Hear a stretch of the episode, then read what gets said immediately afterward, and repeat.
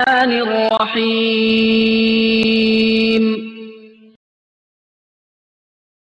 إنا نحن نزلنا الذكر وإنا له لحافظون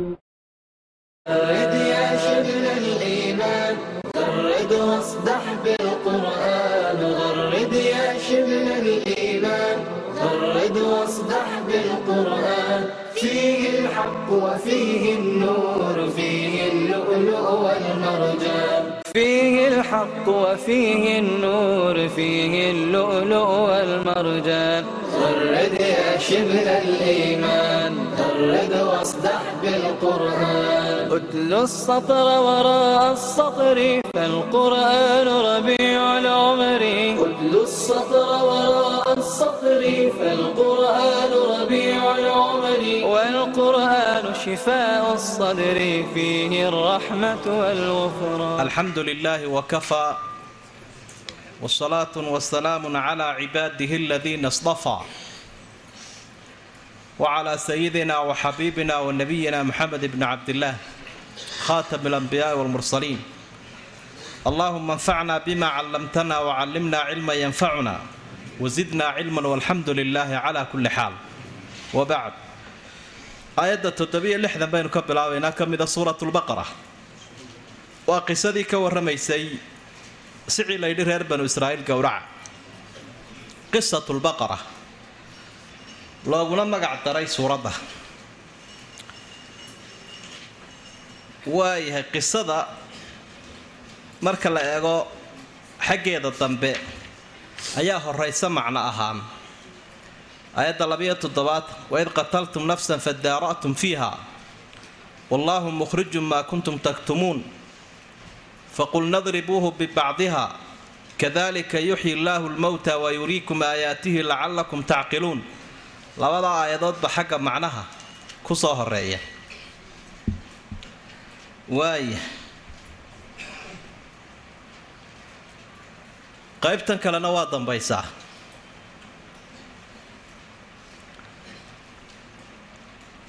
Ilaahay baa wuxuu ihi waid waqti xus nebi maxamedow qaala muusaa liqowmi nebi muuse qoladiisii wuxuu ku yidhi inna allaaha ilaahay ya'murukum wuxuu idin farayaa an tadbaxuu inaad gowracdaan baqaratan neeflo-ah neeflo-ah inaad gowracdaan buu ilaahay idin farayaa. Qaaluu waxay idhaahdeen atattakhidunaa ma waxaad naga dhiganaysaa? Husuwan wax lagu dheeldheelo.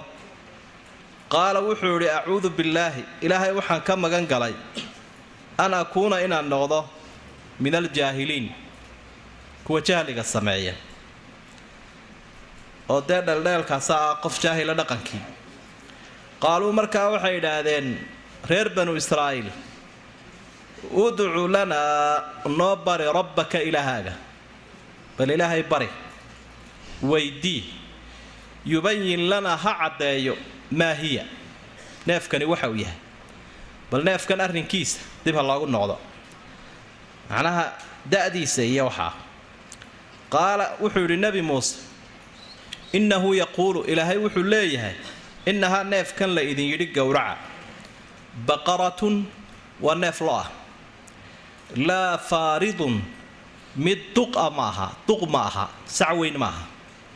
Walaa bikrun qaalinna ma aha. Qaalinaan weli curanna oo uguba ma aha. Cawaanun way u dhaxaysaa bayna daalika labada ah. Mar curad laba dhal waa neef noocaas fafcaluu sameeya maa tu'maruuna waxa la idin farayo. Waxbaa la idin faree muranka daaya oo fuliya. Way soo jeedsadeen haddana. Qaaluu waxay idhaahdeen udcu lanaa rabbak ilaahaaga noo bari. Macnaha waxaad weydiisaa. Yubayin lanaa ha caddeeyo annaga ha noo caddeeyo. Maa lownuhaa midabkeedu wuxuu yahay. Xagga midabkaanu u baahannahae ba midabkaa waxa ka sheego ilaahay buu weydiiyey. Qaala wuxuu nebi muuse yidhi innahu ilaahay. Yaquulu wuxuu leeyahay innahaa neefkan lo'i baqaratun waa neef lo'ahoo shafraa'u cawl ah midabkan hurdiga ah ama cawlka ah. Faaqicun wuu xeel dheeryahay lownuhaa midabkeedu tasuru waxay farax gelinaysaa annaadiriina kuwa eegaya wuu xeel dheer yahay. Macnaheedu waxa weeye waa saafi hurdinimadiisu. Midabkaa yalowga ama hurdiga ahi waa saafi. Qaaluu waxay idhaahdeen udcu lanaa rabbaka mar saddexaad bay soo ragaal celiyeen. Bal ilaahay waxaad noo weydiisaa yubayin lanaa ha noo caddeeyo maa hiya. Waxa ay tahay dhan kale haddana ha looga wareego oo neefku ma neef laylyan baa mise waa midaan waxba beeraha qodin. Inna albaqara lo-da oo dhammi tashaabaha calaynaa way isaga kaaya egaatay wixii lo la odhan jiray te way isu egaatay wa innaa annagu in shaa allah haddii ilaahay uu doono lamuhtaduun bal waannu ku hanuuni doonnaayoo markan saddexaad inaannu fulinno arrinkeeda waa laga yaabaa. Qaala markaa nebi muuse waxa uu yidhi innahu yaquulu ilaahay wuxuu idin leeyahay innahaa baqaratun waa neef lo ah laa daluulun mid laylyan ma aha. Taasoo tuhiiru lard dhulka qoda. Looda dhulka lagu qodaaye neef laylyan oo dhulka qoda ma aha. Walaa tasqi lxarf mid beerta waraabisana ma ahoo wadaantan lagu wareejinaya biyaha qaada taana ma aha. Musallamatun waa mid nabad gashay oo aan cidiba laylyin laguna shaqaysanin. Laa shiyata fiiha calaamadna ma leh. Wax barbar ah. Ma laha ee midabkeedu waa hurdigii ee la sheegay saafiga ahaa. Qaaluu waxay idhaahdeen alaana ji'ta iminka waxaad la timi bilxaq. Xaqii aanu doonayno iminkaad la timaad warkii caddays. Fa dabaxuuha way gowraceen baa ilahay uhi neefkan. Wamaa kaaduu yafcaluun. Umay dhowaanin inay sameeyaan. Oo ay u sameeyaan sidii loogu talagalay. Sidii loogu talagalay inay u sameeyaan umay dhowaanin taa in badan bay ka warwareegeenoo dirqi bay ku fuliyeen waid wakhti xus aw wadkuruu waxa xusuusataan reer banu israa'iilow id qataltum markii aad disheen nafsan baad disheen naf baad disheen. Fadaara'tum fiiha waa isku riixriixdeen fadaara'tum waa isku riixriixdeen fiihaa idinkaa dilay iyo idinkaa dilay wallaahu ilaahayna mukhrijun.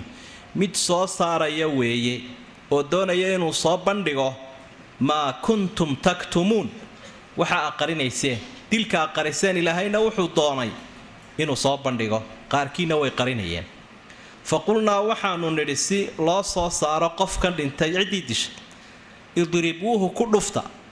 Kan dhintay bibacdihaa neefka lo-daa barhkii neefka lo-daa qayb ha laga soo jaro oo qofkan dhintay ha lagu dhufto si u noolaado. Sidii baana la yeelu ku noolaaday. Kadaalika sida kaa ilaahay u nooleeyay. Yuxyi illaahu lmowta kuwa dhintayna ilaahay saasuu noolaynaya. Weligeedba qaar badani ha ka murmeene. Siduu ninkaa dhintay ilaahay u nooleeyay ayuunbuu u soo noolaynayaa kuwii dhintayna. Wa yuriikum aayaati. Aayadihiisana wuu idin tusinaya awoodihiisa iyo cajaa'ibkiisa wuu idin tusinayaa daliilka ah. Aakhiro daliilka u ah lacallakum tacqiluun. Waxaa laga yaabaa inaa caqli yeelataan. Caqli la'aan baa iminka idin dishay in waxuun garataan waa suuragal markaa akhridaan qisadu saasay wada socotaa.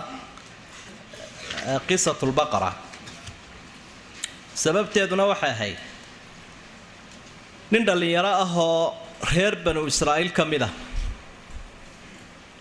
ayaa waxaa jiray nin adeeru ahaa oo maalqabeen ahaa. Taajir cumuumiya adeerkii baa lacag lahaa. Ninkii isaga ahaa wuxuu eegeegay inaan cid kale dhexlayn isaga mooyaane. Geeridiisii buu raagsaday markaa. Sugiwaa buu noqday sugiwaa ninkii odayga ahaa ee sugiwaa wuxuu bilaabay inuu odaygii dilo. Kawbuu kaga siiya habeen habeenada ka mid ah jinaasadiisiina wuu qaadayoo qolo kale. Qoloqolada lafaha jabisay reer banu israa'iil iyo qabyaaladda. Dabeedna intuu qaaday meydkiisii ayaa qaar ay wax ka dhaxeeyeen. Godob iyo wax ayuu aqalkoodii hordhigay aqalkoodiibuu hordhigay subaxdiina waa kaa baroor afka qabsaday madaxuu qabsaday. Qaylo fara badan buu ka sii daayay. Adeerkay waa la dilay kuwii godobtu naga dhexaysay baa dilay. Waa in wax laga qabtaa. Baroortii dacwadoo kale ku soo dhufta kuwiina waxay idhaahdeen wallaynaga ti maanaan dilin. Idinkaa dilo way naga dhexaysay murankaasi haddii uu bilaabmay isu gurteen hubkana waxa ay qaarkood ku taliyeen. Waa rasuulkii ilaahay oo nebi muuse abayna dhex joogee. Dee maxaynu isugu madhanaynaa ilaahay waa kan u waaxyooda maynu weydiinno waxiibaaba loogu sheegibe nebi muuse sidaa dee aad qisada ku arkayso ayay weydiiyeen. Oo maaragtay ay yidhaahdeen bal ciddaa neefka qofkaa cidda dishay noo sheeg. Isaguna haddii ilaahay weydiiyey alla xikmaddiisii waxay keentay in ninkan isaga ana la soo saaro ciddii dishay. Daliil kalena uu meesha ka muuqdo oo cashar kalena ay ka faa'iidaystaan oo qofkan maadaama uu soo noolaanayo bal cashar kalena laga qaato. Kolkaasaa dabeedna neefka iyo arrinkiisa. Nebi muuse wuxuu ku soo warceliyey sidaa aayadda u horaysaba aynu ku hayno. Ilaahay wuxuu idin farayaa inaa neef gowracdaan lo ah. Neefkaasi marka la gowraco qayb ka mida jidhkiisaa la soo goynaya. Culimmadu carabka iyabay ku tilmaamaan culamaau tafsiir ma carabka ahayd halka ahayd laakiin meel kasta aata qur'aanku qaybinbuu tilmaamay. Neefkaa waslad ka mida marka la soo gooyo oo meel loo cayimay ah ee lagu dhufto jinaasadii ka dhintay taasaa istaadhaysa jinaasadaa ayaa salafkii lagu wareejinaya nafta ku soo celinaysa ilaahay uu ka dhigay subxaanahu wa tacaala. Awooddiisu waa badanta mar alla markii neefkii la gowracay ee wasladii laga soo jaray ee meydkii qof ka dhintay lagu dhuftay ayuu soo saro fadhiistay waariyaa ku dilay dee kan kanaan adeerka u ahay kaasaaba i dilayba ee aada isaga oohinaya dabeedna halkiibaa lagu kala hakaday sidii baana isaguna dee waxa isu raacay ceeb iyo caydh. Waxau islahaa isagu wax kororsee ceebina way ku dhacday caydhina wuu ku dhacday oo waxba u waayay. Lidaalik ayaa sharcigeennu uu diiday waa shareecadeenna islaamka qofku qof uu dhexlayay hadduu dilo oo dilkiisa meel uunu ka soo galo walow yaanu u ka simbee inuu dhexlo waa la diiday. Dhexalkiisu waa mamnuuc. Waa sheekhan markaa gab ee ka warramaya dhaxalka ee shicirka kooban alraxbiya wayamnacu shakhsa min almiraath waaxidat min cilali halaath riqun waqatlun waاkhtilaafu diini fafham falaysa shakuka alyaqiini saddexdaasaa qofka u diida macnaha dhaxalka. Inuu qofku qofkii dilo oo markaa u dhexli lahaa in ay dhex marto macnaha labadii qof midba addoona ama addoonnimaa jirta. Iyo gaalnimada oo haddii uu midkood gaaliya isma dhexlayaana waa kala diin. Waa mawaanicul irhi baa la ydhaha waxyaabaha sharcigeenna uu ku diido labada qof inay maaragta isku dhexli karaan ayay arrintani ka mid noqoto. Hadduu doonaya ilaa idinkii markhaatinaha ku furo markhaati buu maalan ku furayba gar baanay ahayd inuu ku furo. Waalidkiisii ama walaalkii ayaa wax dilay. Markaasaa la yidhi war adigu markhaati maka tahay ha ana arkaya inuu dilay. Dee garbayto waa waajib inuu ku furaa. Oo markhaatiga inuu qariyo ma ahayn. Laakiin haddana dhaxalkii waaya meel uun hadduu ka soo galo sabab iyo mubaashara iyo shayga la yidhaahdo isagana shardiga saddexda siyooda dilku noqdaba. Saas ahayd waaya qisadu waxyaabaynu ka faa'idaysanaynaa dhowra. Waxaynu ka faa'idaysanaynaa waxa la yidhaahdo cinaadka. Inuu shareecadeenna xaaraan yahay. Qofku haddii diin ilaahay iyo daliiluu yimaado aayad iyo qur'aanno ay shaygaa sheegaan. Fa cala alra'si waalcayn aqbalay unba arrinkiisu yahay. Wamaa kaana limuminin walaa muminatin idaa qada allahu warasuuluhu amran an yakuuna lahum lkhiyaratu min amri. Waa ceeb buu ilahay rag iyo dumar mid kasta aade qof mumina kol haddii rabbi iyo rasuul ay wax xukumaan inuu idhaahdo anna way kan anna waxay ila tahay. Haddii ilaaha iyo rasuulku yidhaahdeen annagana waxay nala tahay bal annaguna aan ka shirno meesha ma taallo.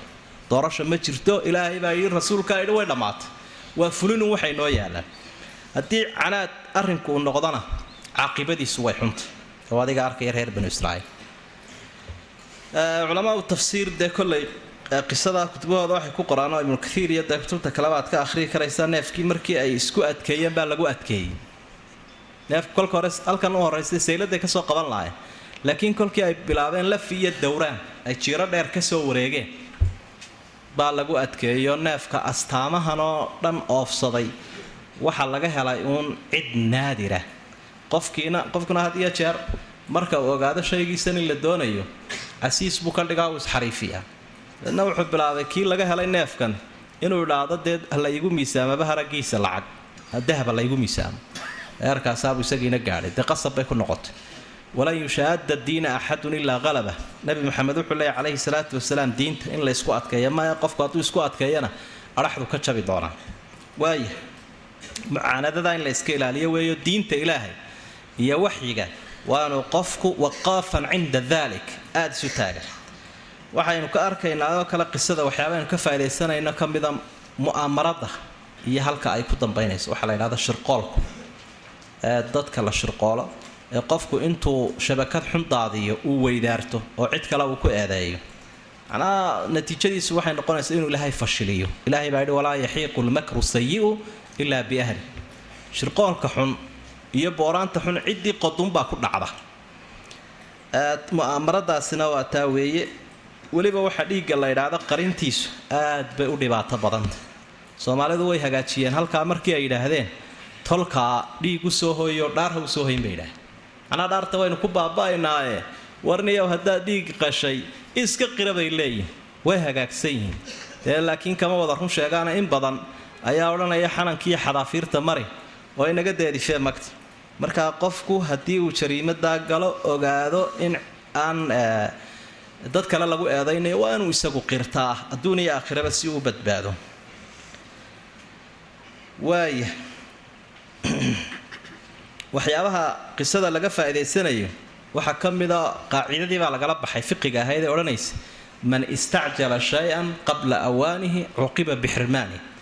Qofka shay dadejista intaan wakhtigiisa la gaadhin waxa lagu cuqubeeyaa inuu ilaahay ka xirmaaniyo shay baad dadejisatay iyadoon wakhtigiisii la gaadhin waxaa ciqaab lagaaga dhigayaa in lagaaba xirmaaniyo. Geeridii oon la gaadhin ayuu dhaxalkii ninkani dadejistay waxaa cuquubo looga dhigay in dhaxalkiiba laga xirmaaniyaba. Qisadu si guud ahaaneed waxa ay daliilu tahay cala albacthi wannushuur arrintaasoo qur'aanka in fara badani ay ka waranto in fara badanina bani aadamka uu diiday rumaynta aakhira iyo dadka halkan ka tegay in soo ay soo noqon doonaan oo qiyaamaha la soo saari doono ayaa qisadu ay daliilu tahay arrin weyn oo caqiidada ah. Taasoo ah al-iibaan bilyowmi alaakhir waalbacthi wannushuur. Mustafaadaadka qisada kuwaasa ka mid ah erayadeeda haddaynu dib ugu yara noqonno. Ilaahay wuxuu idin farayaa an tadbaxuu baqara neef inaad gowracdaan ogabay ninkii dhintay cidda dishay sheeg bay ahayd wuxuu u dhiibay neef gowraca iyaba waa imtixaan. Atatakhidunaa husuwan waar miyaad nagu dheeldheelaysa? Nin baa lagu weydiiyey ciddii dishay neef gowraca waa sidee? Maa yacrifuuna alxikma. Waa masaakiin. Xikmadda ma garanaya.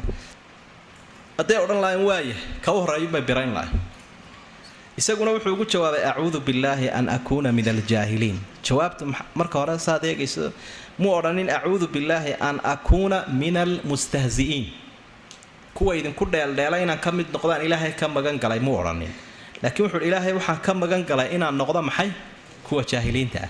Sirta meesha ku jirtaa waxay tahay qofka had iyo jeer dheeldheelka iyo bilaa macnaha iyo xikmad darradu ka timaadaa waa qofka jaahilka ahu qofka aqoon-yahanka ah ama saaxibulxikma had iyo jeer wixiisu qowlkiisa iyo ficilkiisa iyo wuu meel dayaa laakiin qofka dhacdhaca ee circiiraa waa qofka jaahilka ah waar aniga waxaygu dee nin jaahila ma ahi oo waxaan idin idhi waa wax xikmadaysane ha i dheeldheel iyo jahli saas wey waxa markii ay arkeen inay ka go'aantay waxay idhahdeen ilaahay noo baryo bal neefku wuxuu yahay weydii. Neefka da-diisa noo sheeg. Loodu waa kala duduwantay tu yar bay leedahay tu dhaxay leedahay tu weyn bay leedahay bal halkaa iftiimi. Dabeedna wuxuu neefku waa laa faaridun walaa bikrun faaridku waa waxa weeye duqda ah neefka duqda ah sacawi bikriguna dad iyo dunyaba waa lagu tilmaamaaye. Bani aadamkana dee bikri waa inantii waa la yidhaahdaa. Meelaha qaarkood bay dadkiiyo dunyadu wadaagaan xagga magaca. Xoolihiina waaba teenoo dee qur'aanku waa ku tilmaamay. Waa qaalin weeye. Neef qaalina ama uguba oon curan. Macnaha qaalinna maaha. Cawaan. Cawaanku waa bayna dalik labadaasee udhexaysa qaalinna maaha duqna maaha neef dhexedheh wuu ku celiyo wuu naseexeeye wuxu war isku adkayn inaa sameeya fafcaluu maa tu'maruun. Mar kale ku sii celiyeen waxay xagga midabka ka warran maa lawnuhaa? Yubayin lanaa maa lawnuhaa? Midabka. Bal midab maxaa kaga dhigay? Xaqiiqadiisii baa loo sheegay. Ku cad iyo ku madow iyo ku kasta uu noqon laha.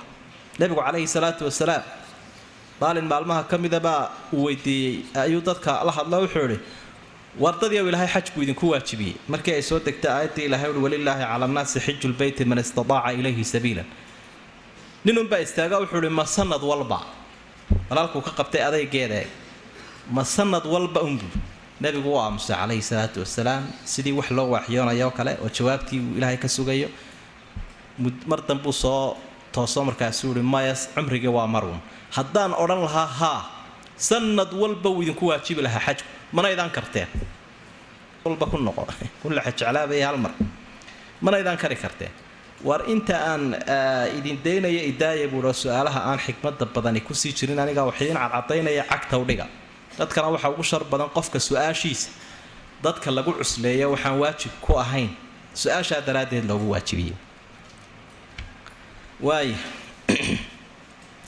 Marka inahaa baqaratun safraa safraa macnaha waa mu'anathu asfar mu'anathu afcal faclaa aw faclaa macnaha asfar safraa labkiina waa asfar safraa waa midabkan aynu nidhaahno inagu hurdiga. Midabkaasi waa huruud. Haddii la idhaahdo ama midabkaa liinta kaa wey faaqicuna waxa weeye saafi wey tasuru naadiriin dhalaal buu leeyahy tasuru waxay farax gelinaysaa naadiriina dadka eegaya qofku markuu midabka had iyo jeer hurdigaa wuu warwaraa dhalaal buu leeyahy bal ilaahay bari bay idhaahdeen maa hiya mar kale noogu celi ina albaqara tashaabaha calayna. Ina albaqara markii horena maxay ahayd? Baqaratun. Maxaa farqi u ah? Kolkii horena ta'baa jirtay iminkana ta'dii baa ka go-an. Macnaha waxa weeyaan marka mufradka shayga keliya la tilmaamayo ismigan oo kale ta'daa loo isticmaalaa marka jamaca la tilmaamayana ta'daa laga jaraa. Oo asmaa'ada qaarkood baa qolaba si loo jamciyaa. Ismuljins al aaxaadi qaybta ay idhaahdaan culamaau naxwa ayaa had iyo jeer mufradkiisa iyo mudakarkiisa ta'daa lagu kala saaraa. Waa nooc maaragtay shajarun shajaratun baqarun baqaratun. Manaa shajarunna waa dhirti. Shajaratunna waa halgeed. Baqaratun iyo baqarunna waa saas kale. Waxaa sidaa cagsiga ee asmaada qaarkood oo mufradkana ta'da laga reebaa jamacana lagu daraa. Sida kam-un wa kam-atun. Oo kam-unna waa mufradkii kam-atunna waa jamacii marka inta maaragta ka muuqanaysa waa inta. Marka iyagu waxay leeyihiin ina albaqara tashaabaha calayna. War geedkii lo la odhan jiray. Jinsigii lo la odhan jiray oo dhan ayaa iskaga kaaya darmay oo si aan u soo qabanno waanu la'nahay. Markaa tashaabaha calayna markaa wuxuu ku yidhi innahaa baqaratun laa daluulun tuhiiru larda walaa tasqi lxarfa daluul ma laylyana neefka laylyan ayaa daluula maaha mid dhulka qoda maaha mid beerta qoda dhulkana waraabisa. Dhulkana tuhiiru larda dhulka qoda walaa tasqi lxarfa beerna ma waraabiso. Musallama waxa weeye way nabad gashayoo ceeb ma leh iin ma laha. Wax iin iyo dhaliilaho ay leedahay neefkaasi ma jiro. Neefku had iyo jeer wuu kala tayo roon yahay. Dee neef rafaadayo la rarayo oo lagu shaqaysanayo markuu yahay iyo iyo neef dee sidii ilahay ku abuuray ku jooga markuu yahay wuu kala tayo wanaagsanyay marka musallamatun shaqo iyo ceebba way ka nabad gashay. Laa shiyata fiiha shiyad waa calaamada. Calaamad ma leh. Odayaashii hore waxay odhan jireen habeen jiilaal waa boqol sac. Waxay uga jeedaan habeenka jiilaalku habeen waa kulayl habeen waa qabow habeen waa dabayl isku jirjiraa. Sida boqol sacba aanay isku midab u ahayn. Boqolka sac midi barbar buu leeyahy midi waa cadaan midi waa madow. Looda barbartaa ku badan iyo midabka. Boqol sacoo isku kalari waa yaryihin saa darteed looda barbartii lagu yaqaanay ma leh laa shiyata qaaluu lana ji'ta bilxaqi fadabaxuuha wamaa kaaduu yafcaluun qaybtan dambe waa id qataltum nafsan fadaara'tum fiiha fadaara'tum fiiha intoo naf disheen baa isku riixriixdeen mu'aamaradaha ugu sii fitno badan weeye waa dembi labalaaban intuu qofku jariimad sameeyo inuu haddana cid kale ku eedeeyo waa imun waftiraa dembi labanlaaban wey fadaara'tum fiiha isku riixriix ilaahayna wallaahu mukhrijun maa kuntum taktumuun isagaa doona inuu soo saaro ilahay waxba lagama qariyo subxaana faqulna dribuuhu bibacdiha kadalika yuxyi illaahu lmowta wayuriikum aayaatihi lacalakum tacqiluun in barhkii ku dhufta faqulnaa waxaanu idribuuhu kan dhintay waxaa ku dhufataan bibacdihaa neefka barhkii neefka unbaa waslad la jaraya wasladaas waa halkee meeshay doonaysa ahaat xikmaddu waxa weeye in la helo ciddii disha xikmaddu waxa weeye in la ogaado inuu lahay wax dhintay soo nooleeyo laakiin wasladu halkay ahayd miyaynu cunaynaa maxaa ku tacalluqay mise maraq baynu ka baadi doonaynaa wax kuma tacalluq waaya ilaahay baa ku yidhiba kadalika yuxyi illaahu lmowta wa yuriikum aayaat. Waa aayad waa qof dhintoo la soo nooleeyey nolosha aakhira iyo qiyaamuhu daliiluya lacallakum tacqiluun. Marka shanta meeloodee suuraddu ay tilmaantay cid dhimatay ilaahay uu soo nooleeyo labaynu haynaa midi waa tan midna waxa weeyaan ninkii aynu qoladii reer banu israiil aynu soo maraynay saddexda meeloode kalena waa saddex qiso isku xigo suuradda aakhirkeeda. Shimbirihii nebi nebigaa loo nooleeyay nebi ibraahim iyo ninkii cusayre la soo nooleeyey iyo nimankii reer banu israiil daacuunka ka cararayay iyagana ilaahay uu wada dhintay. Saddexdaa qiso inoo soo socda insha allah. Waaya uma intaa kadib buu ilahay yihi qasad quluubukum qalbigiinni wuu engegay min bacdi dalik intaa xaqiiqada aragteen kadib fa hiya quluubtiinu kal xijaarati waa dhagaxaantoo kale aw ashaddu qaswa. Ama way ka sii darantay xagga adayga. Ama qalbigiinu xagga dhagax wuu ka sii daran yahay adayga. Wa inna min alxijaarati buu ilahay dhagaxaantii waxaba ka mid a lamaa dhagax baa ka mid a yatafajaru minhu ay ka soo butaacayaan al anhaaru webiyaal dhagaxaanta qaar bay webiyaal ka soo butaacaan. Wa inna minhaa dhagaxaanta waxaa ka mid a lamaa dhagax baa ka mid a yashaqaqu dildilaaca fa yakhruju minhu lmaa biyo ay ka soo boodaan kolkuu dilaaco wa inna minhaa dhagaxaantii waxaa ka mida lamaa dhagax baa ka mid a yahbitu min khashyat illaah ilaahay daraaddeed la soo dhaadhaca oo la soo daadega soo wilaanwilanaya wama allaahu biqaafil hadda ilaahay ma mooga camaa tacmaluuna dadiya waxa samaynaysaa iyo qalbi angagiin iyo dhaqankiina ilaahay ma oge ogy ma mooge waa ogyahay halkan ilaahay waxa uu tilmaamay waxaasoo aayad iyo cajaa'ibee nimankii reer banu israa'iil la tusiyey inaanay waxba ka kasban. Waxba kamay kasban. Nimankaas iyagoo xaqaa'iqa arkay oo aayaadka cajaa'ibka arkay oo ilaahay awooddiisii arkay ayaan qalbigoodii dabcin oo diintii ilaahay weel aanu noqonin weel culan oo diinta ilaahay geli karta iyo iimaan muu noqone waxay noqdeen qalbigoodii kuwa engegay. Markaasuu ilaahay isbarbar dhigay dhagaxa adag iyo qalbigooda wuxuu tilmaamay aw ashaddu qaswa qalbigoodu inuu ka adagay maxay? Dhagaxa marka dareenka ilaahay iyo rumayntiisa iyo heellanaanta loo eego dhagaxaa ka dabacsan qalbiga bani aadamka. Ilaahay baa wuxuu tilmaamay qur'aankan quluubta bani aadamku iyadoo hayso oo xafidsan aan saamayn ku lahayn ama aan kaga oohinaynin inuu dhagaxa si dhaqsaa haddii lagu soo dejin lahaa ugaga oohin lahaa low anzalnaa hada alqur'aana calaa jabalin lara'aytahu khaashican mutasadican min khashyat illaah haddaan qur'aankaa ku soo dejin lahaabaa ilahay uhi buur waxaad arki lahayd buurtaasoo khushuucsan buurtaasoo qur'aankii xejin weyda iyo kalaamkii ilahay oo dildilaacaysa ilmo bani aadamna waa kuwaa waa ka maglafan. Macnaha waxaad moodaa in laga leefay shaygan ay hayaan iyo diintan dhagaxaantii haddaba sida ay uga dabacsan tahay quluubtooda ilaahay uu ka sii warramo wuxuu ihi dhagaxii qaar baaba webiyaal ka soo butaacaan. Qaarkood baa intay dildilaacaan biyo ka soo baxaan. Qaarkood baa meel sare buur sare isagoo saaran yahbit soo wilaanwisha oo soo dhaadhaca min khashyat illaah. Cabsi alla daraaddeed. Cabsi allay biyuu uga soo butaacayaan. Cabsi alluu la ilmaynayaa la ooyayaa cabsi alluu la soo dhaadhacayaa dhagaxa buuralayda marka la joogo casayaasha waaweyn qabqabqabqab unbaa la maqlaya war dhagaxan yaa soo riday daayeerna ma agmarin dadna ma agmarin laakiin dhagaxaas waa saa qur'aanku uu tilmaamay khushuuca loo isxejin waayay oo dabeetana ay uu gunta ka soo go'ay. Kaasaa ka mid a kuwana qalbigoodii waa maxay? Dee waa xadiid xagga tusaalay ku ahaayeen qalbi adayga iyo qallafsanaanta iyo iimaan xumada nimankaas. Ummadda islaamka wuxuu alla ku waaniyey quluubtiinu yay la mid noqonin quluubtii reer banu israa'iil oo kale. Alam yani liladiina aamanuu an takhshaca quluubuhum lidikri illaah wma nazla min alxaq walaa yakunuu kaladiina uutuu lkitaaba min qabl fataala calayhim اlamad faqasat quluubuhum faqasat quluubuhum wakaiiru minhum faasiquun. Dee qalbigiinu hadabcabaa ilaahay uri asxaabtuu la hadlaya ummadaba oo qalbigiinu hadabco kii reer banu israa'iil qallafay oo kale ayuu noqon. Marka waa lagama maarmaan.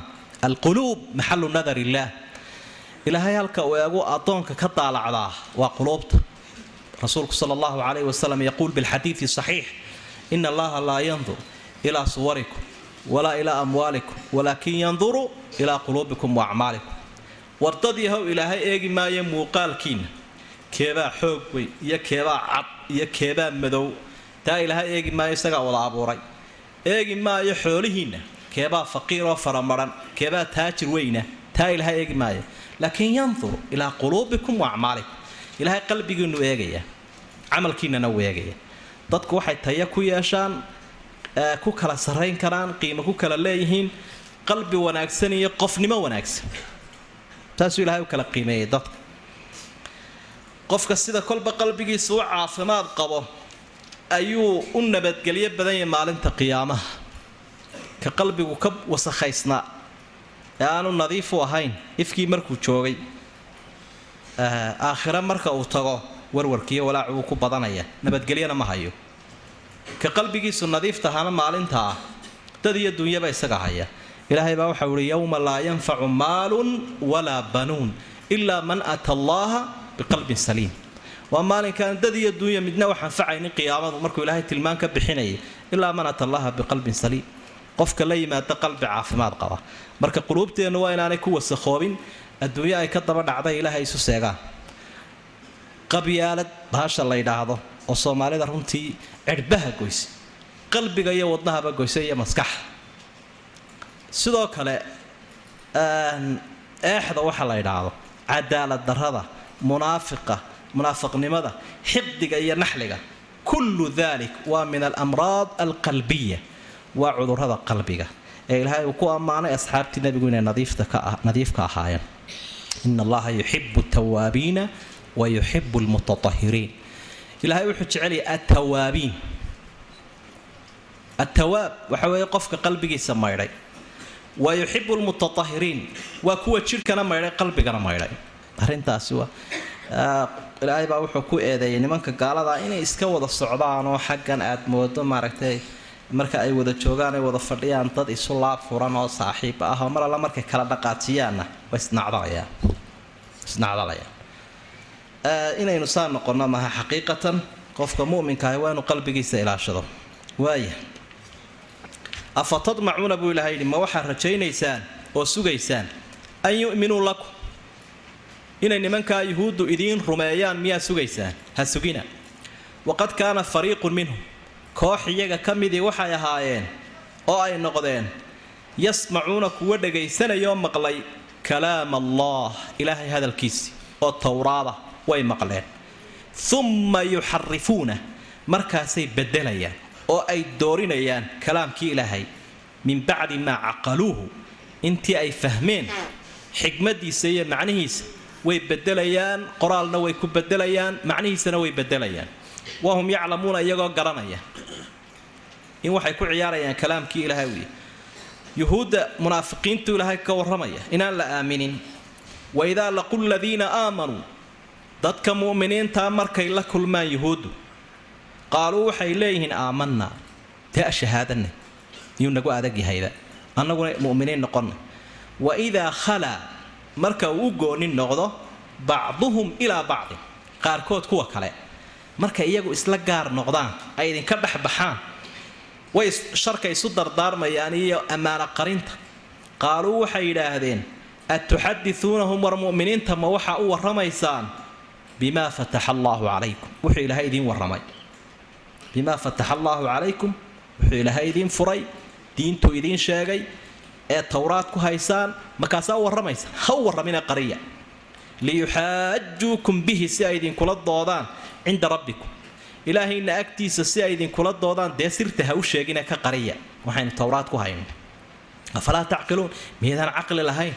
Nimankaa siinina cilmiga waxay idinkula doodi doonaan aakhiro ilaahay agtiisa. Alla wuxuu yidhi awalaa yaclamuuna miyaanay ogan yuhuudda sidaa isu dardaarmaya? Anna allaaha yaclam ilaahay inuu ogaanayo oo uu la socdo maa yusiruuna waxay qarsanayaan wamaa yuclinuuna iyo waxay muujinayaan labadaba. Miyaana ilaahay xaggiisaba iska eegin muminiintuunba iska egeene nimankaa guuldarrada badani. Kuwaasi waxay ahayn wadaadadoodii oo isu dardaarmay diinta ilaahay in la qariyo iyo markhaatigay nebi maxamed u ahaayeen. Caamadooduna waa caynkee talow wa minhum waxaa ka mida buu ilahay yidhi yuhuudda ummiyuuna kuwa caamo ah oo waxna qorin waxna akhriin nag ah. Laa yaclamuuna alkitaab towraad iyagu maba yaqaanaa ilaa amaaniy laakiin yididiilooyinbay iyo isqancin bay hayaan. Yididiilooyin iyo isqancin beena bay hayaan. Wa in hum ilaa yadunnuun wa in hum maa hum iyagu may ahaanin ilaa yadunnuuna waa kuwa wax malamalaynaya cilmi ma laha laakiin malamalay diin ka dhigtay. Fa weylun buu ilaahay yidhi halaag wuxuu u sugnaaday liladiina yaktubuuna alkitaab kuwa towraad ku qoraya biaydiihim gacmahooda. Gacmahoodiibay ku qoreenay kitaabki ilaahay ku bedeleen. Uma yaquuluuna waxay odhanayaan haada min cindi illaah kani waa ilaahay agtiisu ka yimi kitaabku ilaahay soo dejiye towraadi dadii how waa kan bay leeyihiin wixii ay qoreen bay kitaab ugu sheegeen. Liyashtaruu bihi amanan qaliilan si ay lacag yar ugu iibsadaan. Adduunyay ku qaateen wadaadadoodii mar kale fa weylun halaag. Lahum iyagu u sugnaaday allaha halaago mimaa katabat aydiihim gacmahoodu waxay qoreen daraaddiibay halaag ku yeeshay. Mar saddexaad wa weylun lahum. Allaha halaago. Mimaa yagsibuun liajli maa yagsibuun waxa ay shaqaysteen daraaddii allaha ku halaago. Saasaa ilaahay ummadda ugu digay subxaanah. Nin alla tilmaamaya iilan maayo. Min mucjizaati lqur-aan bay ka mid tahay inuu ka warramayo quluubta waxa ku jira. Inuu ka warramayo dad koobani waxa ay ku wada faqeen inuu ka warramayo waxaan cid kaleba ogeyn. Ilaahay uunu ogyahay subxaanah marka nimanka yuhuudda ah dee niman diini ka dhab tahay ma ahayn. Rasuulku sala allahu calayhi wasalam kolkii uu madiine tegay waxay isku dayeen inaanay ka hor imanine. Si kale un dadka ay uga duwaan been ay u sheegaan iyo isku dirka iyo naarafuufnimada iyo waxa ay ma ka shaqeeyaan. Saa darteed baa dardaaran bay isa siiyeenoo waxay yidhaahdeen waxbayna yeeli maysee maxamed saaxiibadii markaynu la joogno ashahaadana iyo aamanaa unaan idhaahno annagu dee ahlu kitaabkii baanu haynoo garanaye aamana muminiin baanena tirsada. Haynagu lugo-e mar alla marka aynu gaar isu noqonno dee odayaasheennana aynu u gooni noqonno iyo inagu gooni isku nahayna dee aan xaqiiqada isu sheegin wakaa munaafaqadaasay ku socdeen. Munaafaqad macnaha nifaaqani waa nifaaqii khatartaha ee caqadigaha. Ee qofka sheegaya inuu gaal yahay. Waxa kaloo isu dardaarmayaan. Marka had iyo jeer ay isku gooni yihiin war siriya idinka bixi. Towraad waxaynu ku haynaa nebi maxamed calayhi salaatu wasalaam iyo sifooyinkiisa. Qur'aanka ku soo degaya wakhtiga la soo saarayo cidda uu ka soo baxayo. Intaasoo dhan waynu ku haynaa towraad dee ha u sheegina haddaad taa uga warantaan ilaahay agtiisa idinku xujayn. Marka ilaahay agtiisa lagu murma lagu doodayo way idinka garheliyo iyagaaba noo sheegay bay odhan doonaan. Qariya. Ilaa heerkaasay markhaatigii iyo ammaanadii qarinteedii ayay isu dardaarmeen. Afa tadmacuuna an yu'minuu lakum. Markaasaa ilahay u leey dadka noocan aan idinka warramaya ha rajaynina inay imaan yeeshaan waqad kaana fariiqun minhum yasmacuuna kalaam allah in badanoo ka midi kalaamkii ilaahay bay maqlayeenoo towraadah iyo xaqiiqadu sheegaya uma yuxarifuunahu min bacdi maa caqaluuh intii ay kaseen kadib bay xarifayaan taxriifku waa tabdiil xagga macnahana wuu noqdaayo si khaladahoo loo fasiro taxriifkaas naskioo si khalada loo fasiro oo rabitaanka dadka la daba wado taxriif wuu noqdaa waxa labaadoo taxriifa iyadoo meeshii naska la masaxo wax kale lagu qoro labada siyoodba way u xarifeenoo way u bedeleen towraad waa guuldarada ku dhacday ummadihii yuhuudda iyo kiristanka. Waa ayaan badnaan innagu aynu leenahay inuu ilaahay inoo ilaaliyay kitaabkeennii sidii uu ugu soo degay nebi maxamed caleyhi salaatu wasalaam innaa naxnu nasalna dikra wa innaa lahu lxaafiduun. Luqadiisiibaa ilaashan oo luqad mutadaawalahoo la isticmaalayaa sidii ilaahay ugu soo dejiyey rasuulka ayuu yahay. Laakiin iyagaa qiraya. Yuhuuddiiyo nasaarada labadaba boobabkoodu waxa ay qirayaan tilmuudkan iminka ay hayaana inaanu towraadii ahayn laakiin uu xarifanyuu bedelan yahay. Kadalik baybalkuna inaanu dee caadi ahayn. Waxyaabaha kale ilaahay uu ku galladay qur'aankeenniyo xadiidkeenna ka mid tahay inuu sanad leeyahay sanad. Oo sanadku macnaha waxa wey abtirsiimo. Xadaanii fulaan fulaan hebel baa i warramay hebel baa i warramay hebel baa i warramay ilaa saxaabiga ay gaadho saxaabiguna wuxuu leeyahy rasuulka ay warramay rasuulkuna malaguu ku tiirinaya malaguna ilaahay. Silsiladaasoo sugan oo cidda ku jirtaa wada caadilin ay yihiin oo aan la soo koobi karayn buu qur'aankeennu ku sugmay. Halka ummadaha kale kutubtoodu silsiladba aanay lahayn. Wax sanadaho ay leeyihiin ma jirto. Lowla alisnaadu min addiin walowla alisnaadu laqaala man shaaa maa shaa. Taabicigii jaliilka cabdilaahi bn mubaarak ayaa waxau lahaa silsiladaasi diintay ka midta haddaankaasi jirinna qofkii doonaaba wuxuu doonaabuu odhan lahaa. Qofka wax sheega waxaa la odhan jiray un asnid bal abtirsiimadiisa sheeg. Waana la yaqaanaa dadka wax laga wariyo marka mid khalada hadduu sheega halkaasu ku fashilmaya. Waaya waidaa laqu ladiina aamanuu qaaluu aamanaa waidaa khalaa bacduhum ilaa bacdin. Markay isku gooni noqdaanna waxay intay iscanaantaan bay leeyiin atuxadisuunahum miyaa muminiinta u warramaysaan bimaa fataxa allaahu calaykum? War wuxuu ilaahay idiin furay. Cilmi baa leediin ha u sheegina. Maxamed asxaabtiisa ka qariya haddaa u sheegtaan liyuxaajuukum bihi cinda rabbikum. Way idinkula murmayaan idinkula doodayaan idinkaga garhelayaan ilaahay agtiisa. Yaa idinka garhelina waxba ha u sheegina. Alalka ilaahay uu kaga soo baxay. Ina rabbaka la bilmirsaad awalaa yaclamuuna ana allaha yaclamu maa yusiruuna wamaa yuclinuun. War miyaanay ogeyn? Miyaanay garanaynin inuu ilaahay isku sii ogyahay waxay qariyeen? Iyo waxa ay muujiyeen labadaba maa yakuunu min najwa alaaثatin ilaa huwa raabicuhum walaa khamsatin ilaa huwa saadisuhum walaa adnaa min dalika walaa akthar ilaa huwa macahum aynamaa kaanuu waa saasay tahay oo qofku muraaqabada lagu baraya muraaqabada inuu qofku goor walba tallaabaduu qaadayo ilaahay xaggiisa iska eego uu ogaado inuu ilaahay eegayo hadduu waajib ka tegayo inuu ilaahay eegayo hadduu xaaraan samaynayo inuu ilaahay eegayo u arkayo haddii uu wax qarin lahaa inuu ilaahay eegayo hadduu been sheegi lahaa inuu ilaahay eegayo hadduu wax xadayo inuu ilaahay eegayo. Liman kaana yarju allaha walyowma alaakhir waa kaa nabigula calayhi salaatu wasalaam an tacbuda rabbak kaannaka taraahu fain lam takun taraahu fa inahu yaraak. Markuu qofku heerkaa gaadho ayaa khayrkiisu weynaanaya. Laakiin hadduu dadka uun iska eego uun iimaan ma jiro ilaahay wuxuu tilmaamay kuwaasi wadaadadii ahaana wa minhum ummiyuuna laa yaclamuuna alkitaaba ilaa amaani ummi. Waa mansuub ila lum ila alum alumma alummiya waa ummatun ummiya marka ummiyadiina waxa weeye waa qofkii um loo nisbeeyey hooyadii. Waa ina hooyo. Xagay ka socotaa ina hooyo macnaheedu waa maxay? Siduu hooyadii ay ku dhashay buu yahay.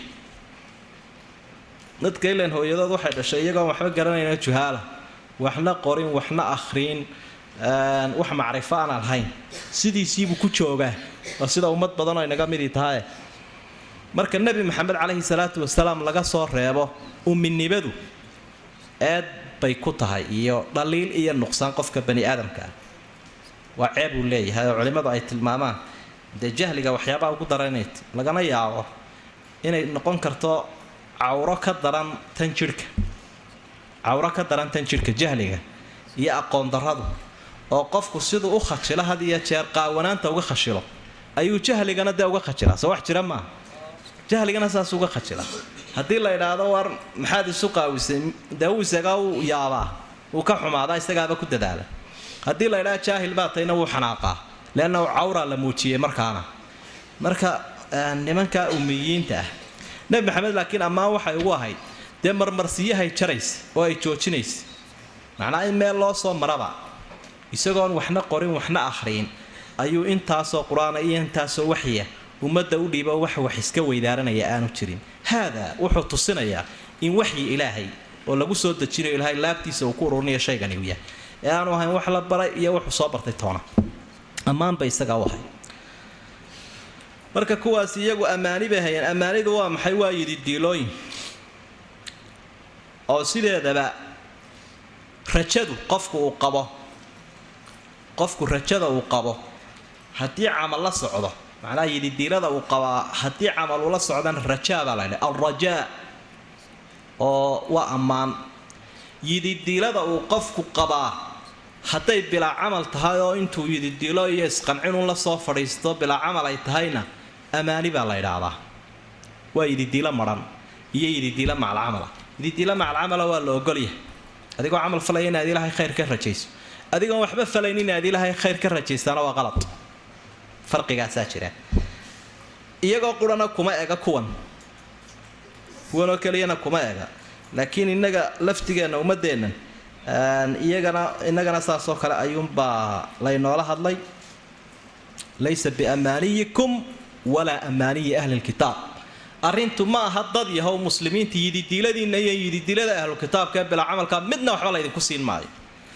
Marka nimankaasi iyaguna ammaanidaasi waxa weeye dee inay odhan jireen annagu haddaanu reer banu israa'iilna cidnala midihi ma jirooo waxna laga naarayaa ma jiro annagu wada ahlujannaanu nahadoo naxnu abnaa'ullaahi wa axibbaa'uhu ilmo ilaahay baanu nahay iyo kuwii uu jeclaayoo dadka kale waa noo wada addoommo waxaasoo faraha badan bay akhriyi jireen.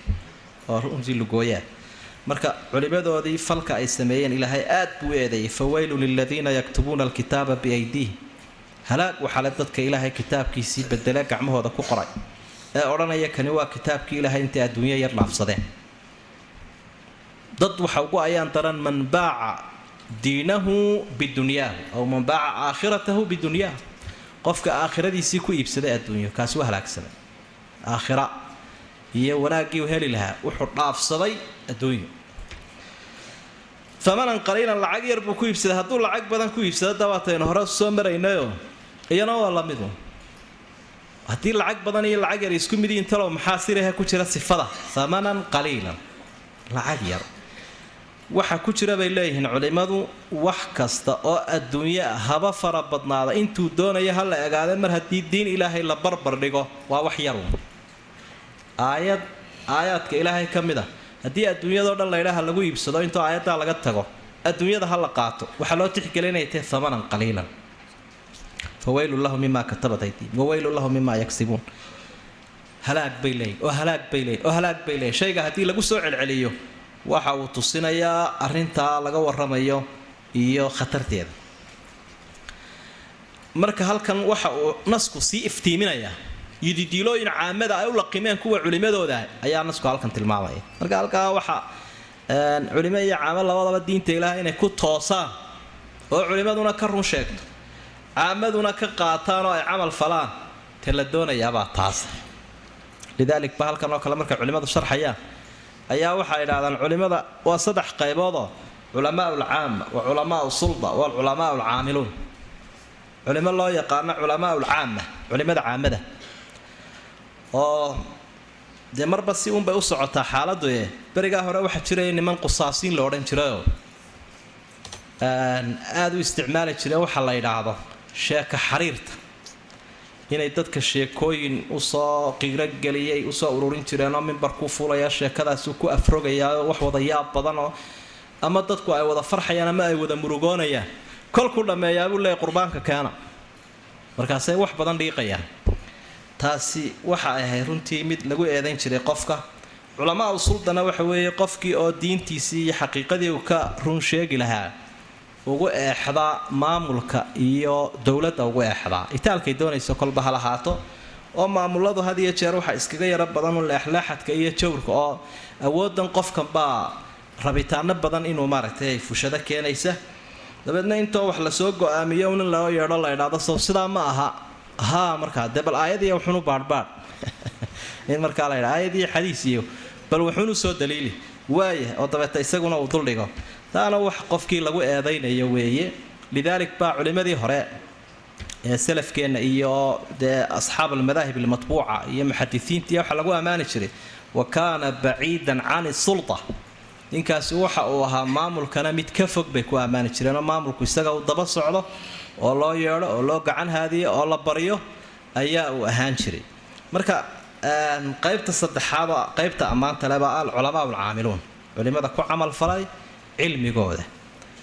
Dabcan iyagoo xikmadooda isticmaalaya iyaga oo ummadooda aan ka dhexbaxaynin iyaga oo isku dayaya hadday maamul tahay iyo hadday racyo tahayba inay saxaanay toosiyaan haddana aanu dariiqa ay hayaan aanu ka duweynin rabitaanka iyo duufaanada jira nimankii caamadahaa wixii loo laqimay waa kan.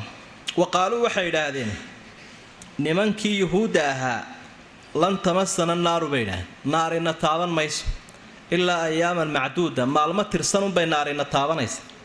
Qul waxaad tidhaa nebi maxamedow u jawaab niman laga aamusa ma aha. Attakhadtum ma waxaa samaysateen cinda allah ilaahay agtiisa ma waxaa samaysateen cahdan ballan. Ilaahay agtiisa ma ballan baa dhigateenoo ballan baa ilaahay isku ogtihiin miyaa oo falan yukhlifa allaahu dabeedna ilaahay idinkaga bixi maayo cahdahu ballantiisa. Ila ilaahay ballanta kama bixin ma ballantaasaa idin dhex marta. Am taquuluuna cala allah? Bal taquuluuna cala allah? Ilaahay waxaa ku odhanaysaan oo ka sheegaysaan oo ka warinaysaan maa laa taclamuun. Waxaa jahli kaga sugantihi inaydaan aqoonu lahayn. Ayaa ilaahay ka warinaysa marka saasay odhan jireen. Balaa dhe balaa wixii la soo sheegay cagsigiisay sugaysa. Balaa tamasukum nnaar naar baa idin taaban doonta way idinku habsan. Man kasaba sayi'atan qofka dembi shaqeeya wa axaatat bihi khati'atuhu gafafkiisuna ay koobaan fa ulaa'ika asxaabu nnaar kuwaasi naartay la saaxiibsan yihiin hum fiiha khaaliduun waanay ku waarayaan. Waaladiina aamanuu dadka ilaahay rumeeyey wa camiluu saalixaat camallada fiicanna falay ulaa'ika asxaabu ljanna kuwaasi naar jannaday la saaxiib yihiin hum fiiha khaaliduun waanay ku waarayaan jannada nimankaasi saasay yidhahdeen. Waa yidhi diilooyinkii bilaa camalka ahaa isla weynaantii ilaahay oo shaydaan uu ku kadiyey waxay yidhaahdeen na taaban maysa naartu maalmo kooban mooyaane. Nebi maxamed bay saa ula yimaadeen calayhi salaatu wasalaam sida ku sugan xadiidka saxiixa ah ee uu warinaya axmed ibnu xambal imaamu lbukhaari nasaa-i intuba ay warinayaan. Maalintii khaybar yuhuuddii deganayd nebigu calayhi salaatu wasalaam uu xoreeyey. Hadda indhaha lagu dhuftee waddada laga duway leen dhagax waddada yaallay ahaayeene sharwadayaashaas. Ayuu nebigu calayhi salaatu wasalaam gabadh meel joogtaa tidhi waa ku casuumay oo si wanaagsan baad yeesho. Laxbay soo shiishay nee ayay soo shiisho si wanaagsan ay u soo karaysay sunna way soo maraysay. Waraysi bay samaysoo nebigu halka uu hilibka u jeceliyay meelaha yaryara muruqyadaa jiljiricda san had iyo jeer. Ee aan qofka calaaliskiisa dhib ku ahayn buu nebigu jeclaa duubiyadiiyo meelaha. Halkiibay suntii soo maraysay kolkii la soo dhigay buu nebigu isagaa asxaabta aftixi jiro wuu bilaabayoo qaniiyadii uu qaniinay. Ayaa nin saxaabigiina mar isaguna la qaniinoo dhaqsuu liqa isagu. Nebigu intii uu calaalinayay baa markaa hilibkii oo hadlay waa sumaysnahay yaa rasuul allah iska kaytuf waa mucjisaadka nabiga ka midtahi calayhi salaatu wasalaam raashinuu cunaya inuu hadlay. Marka wuu iska tufay laakiin dee saamayn bay kaga yeelatay halkan cunihiisa. Waa kii lahaa markii uu sii dhimanayay dhadhamadii maalintii khaybar aan dhadhamiyey wakhtiganay cunahay kala goystay buu nabigu lahaa calayhi salaatu wasalaam. Wuxuu ihi bal ha soo ururi marka ninkii wuu dhintay saxaabigaha isagu sidii buu ku dhintay laakiin dadkii kale waa laga gaadhay wuxuu ihi bal ha la soo ururiya kuwa yuhuuddaee meeshan jooga waa la soo ururiyey. Su'aaluu nebigu weydiiye wuxuu idhi aabbihiin man abuukum waryaa idin dhalay jilibkaa ku abtirsataan waa kuma. Markiiba mid kale u dhiibeena waxay dhan aabbahaya waa hebel. Ilaa abtirsiimadooday ka been sheegayaan nebigu wuxuu ihi kadabtum bal abuukum fulaan. Beenaalayaal baad tihiine ilme hebel baati ilme hebelkaa ay sheegteen may hidine.